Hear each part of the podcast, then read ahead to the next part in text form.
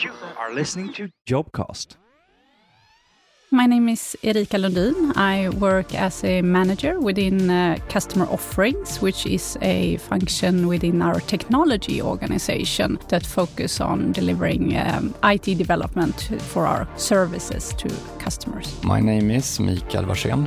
I work as area manager within SEB in technology division. I live in Stockholm, but I'm from Gothenburg. It's important to say because if you are from Gothenburg, you're you're kind of that's in your heart. I have two kids, husband. We uh, bought a house two years ago, which we are renovating a lot. Of course, some type of training as well. I, I like to do that. When I'm not working, I'm uh, having a big family, three young girls, uh, so that, that sets the agenda quite a lot. Uh, I also enjoy being in our vacation home in uh, southern Sweden at Öland. Uh, where I also come from. So uh, that's what we try to do. Otherwise, it's hanging with family and friends. I uh, work as a manager within a cross function, and that could be kind of everything. It's a lot of work regarding it can be security questions, it could be risk management, it can be people management questions, how we work with workforce planning. Area manager means uh, I have the responsibility of the tech deliveries for this area, consisting of around 200, between 200 and 250 developers. We deliver tech solutions for finance risk compliance uh, and also HR and procurement. Uh, so it's a quite wide uh, range of, of system solutions. And in the agile context, um, then being the IT lead for, for the finance risk and compliance domain how SEB have developed in technology. I mean, when I started back 16 years ago, tech was not as it is now in the front row at SEB. And the tech stack was, uh, I mean, still, I think we have a quite big tech stack. We have everything from really old assembler systems. Uh, mainframe is, still a very central and vital part. But we are now also looking at and, and doing a lot in the cloud. We do everything from COBOL to AI. We have the full tech stack,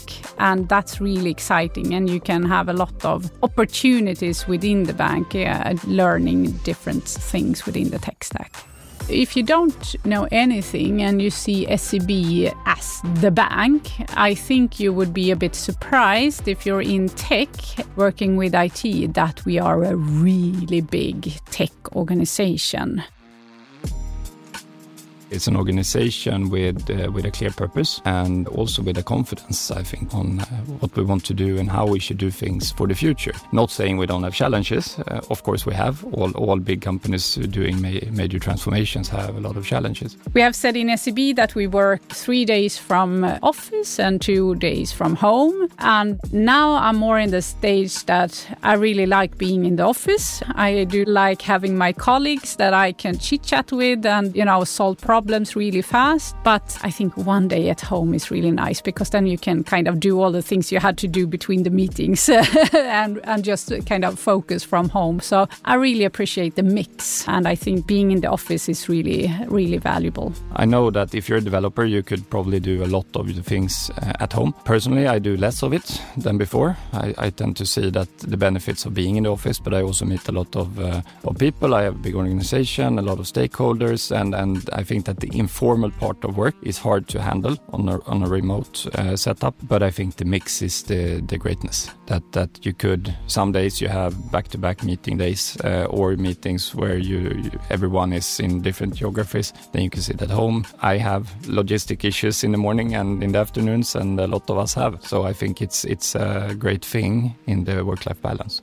This is something we didn't at all see, a few years ago, and now we take it for granted. So, I mean, joining uh, the tech organization as, as a young developer or a um, new or, or an experienced developer as well, you have a lot of opportunities, and I think that's what we often hear from uh, from people joining us that it's a great place to work at. Uh, you have all this. I mean, we were onto the facilities. Uh, what you get by working here in Arenastaden or also in the Baltics in the in the premises we have there, which is similar. I mean, it's it's a great culture to be in.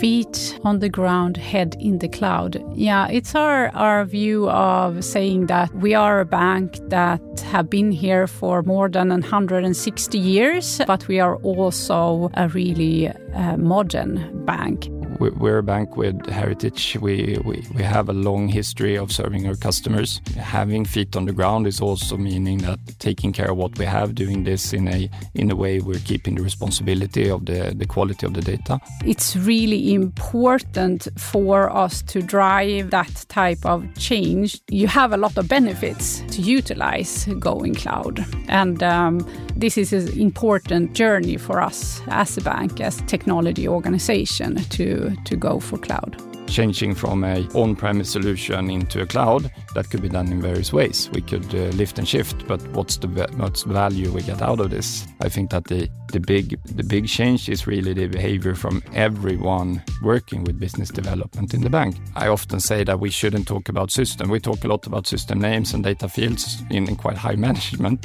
instead focusing on capabilities and what we want to get and, and the data that is the, the, the assets of these systems. And then tech will, will do this in the way we should do it according to our tech strategy. So I think that is to jointly do this transformation. It's, it's not a tech transformation, it's a big business transformation.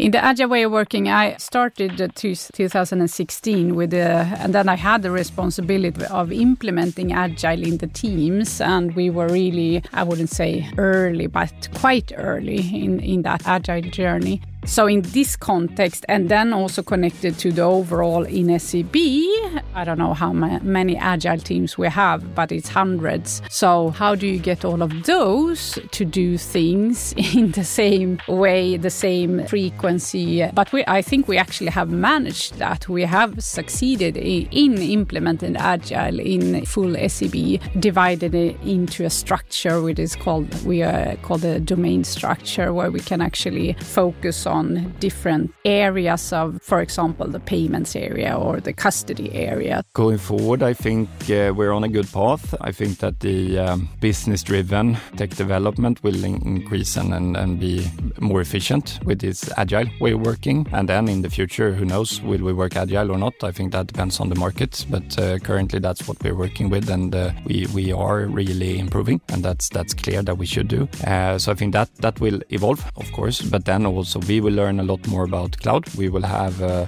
way more on the data journey where we have started combining data and cloud. I think that is really the value for us going forward. But it is always with with large transformations that the first years tend to go quite slow, and hopefully we'll get the snowball effect going forward.